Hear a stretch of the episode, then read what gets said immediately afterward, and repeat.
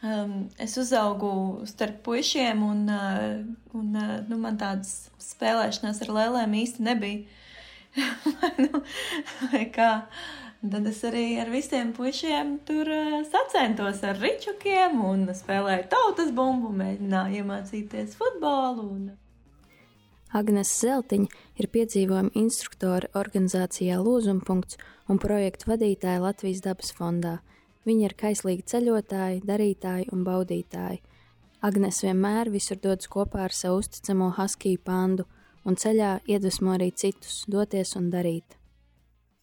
Tāds aktīvisms, jā, es nezinu, es citādāk, es citādāk nemaz nemāku. Es nevaru iedomāties arī bērnībā sevi sēžot dīvānā veselu dienu, tā es arī tagad nevaru.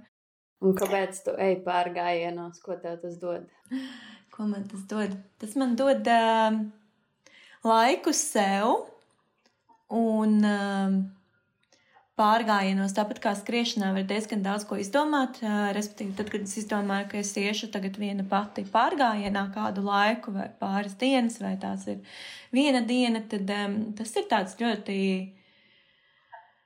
Ļoti tāds monotons, bet, uh, bet ilgs laiks sev, dabā, kad nav īsti tādu traucēkļu, tad galvā var izdomāt uh, visas idejas, uh, atrisināt kaut kādas problēmas. Uh, um, un arī tas fiziskais, uh, man ir vajadzīga kaut kāda. Um, tāda izlāde fiziskā, no kā tad es gūstu baudu. Es salīdzinoši gūstu baudu no noguruma, Šo Agnes aprakstīto sajūtu komentē arī psiholoģijas profesora RSU docētāja Sandra Mihailova. Tad, kad cilvēks izmanto fiziskas aktivitātes, tad bez tā balansa vēl ir tāda nianse, kad um, noņemās nogurums, tāpēc, kad um, ilgstoši atrodoties kaut kādā noteiktā pozā, muskuļi sasprindzināti kaut kādās konkrētās vietās. Un uh, ir uzkrājusies muskuļos pienskābe un, uh, un veidojas nogurumas izjūta. Un uh, tad, kad cilvēks aktīvi sāk kustēties, tad pienskābe tiek pārstrādāta un muskuļos tas nogurums pazūd. Man, man visu laiku vajag sevi fiziski pārbaudīt. Nezinu, kāpēc. Uh, bet man patīk, un tas man dara laimīgu, un tas man uh, iedvesmo, un tas man dzen vēl tālāk, vairāk. Bet tas man arī norūda tādā ikdienai.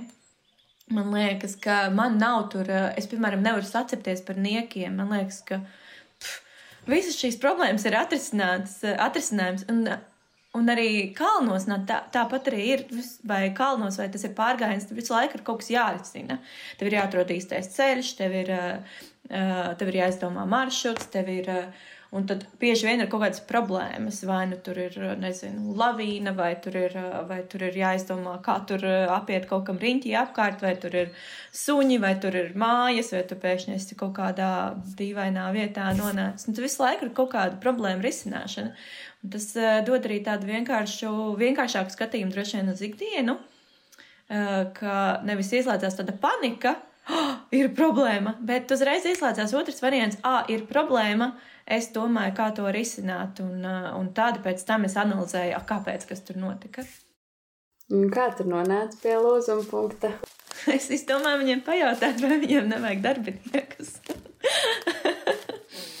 es biju pārguris no darba, kur man bija ļoti, ļoti daudz daudz, daudz darba, un es jūtu, ka man tā jā, interesanti skanēs, ka, ka tas darbs varbūt man, man aizliedz iet vai nedod laiku iet tajā dabā vai kaut kādā aktīvajā dzīvē, un tad es izdomāju, ka Bet tajā vienā dienā, kad man ir brīvdiena, tad es varētu pastrādāt kaut kur citur. un, un pie kaut kādiem citiem projektiem, kas man iedod atkal kaut kādus kontaktus vai, vai kaut kādu jaunu.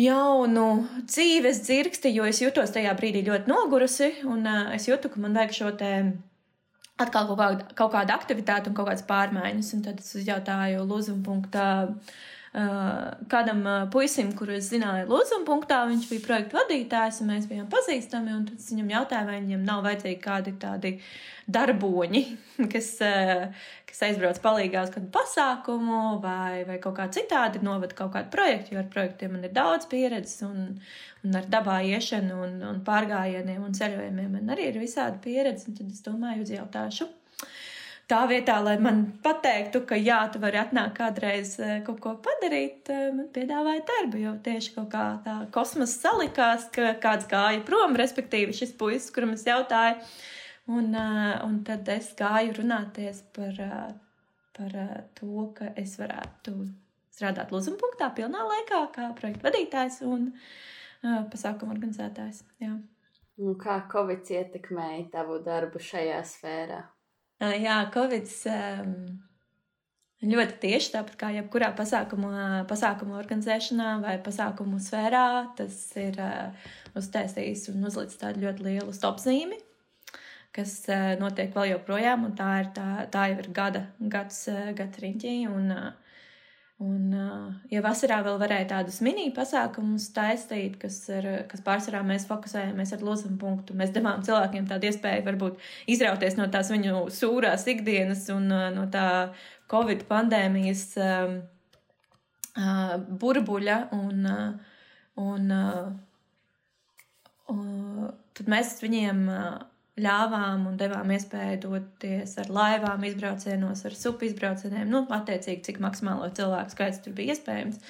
Mēs arī organizējām dažādus tādus izbraucienus pa Latviju, uh, vadījām grupas, uh, jā, velo braucieni vairāki bija, bet nu, tas bija tāds ļoti, ļoti maz, tā vairs nebija kārtīgi uzņēmuma sporta piedzīvojumu pasākumu, bet tās bija tādas mazākas grupas. Un, uh, tas bija ļoti īs, īs posms, jo nāca otrais vilnis, nāk arī tas uh, ziemas, uh, ziemas laiks, kad, uh, kad uh, tā aktīvā dabā iešana, kaut gan šogad viņa nav īsti apstājusies, bet, nu, respektīvi, tas, ka ar desmit cilvēku pasākumu īsti tāda izdzīvošana vai, vai, vai sevis nodrošināšana nu, realitātē nav iespējama.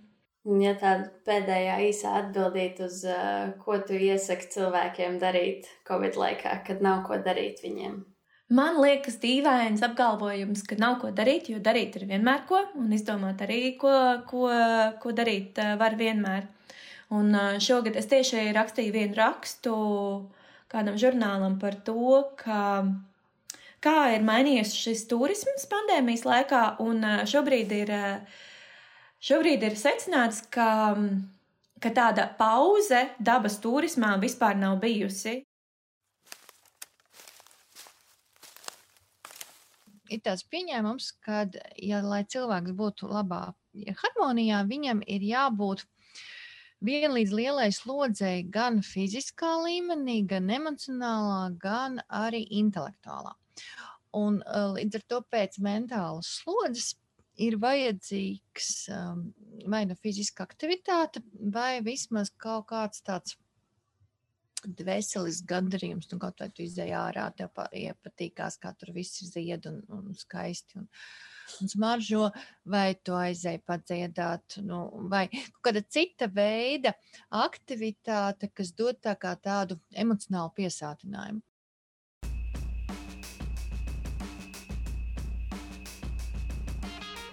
Paldies, ka klausījies!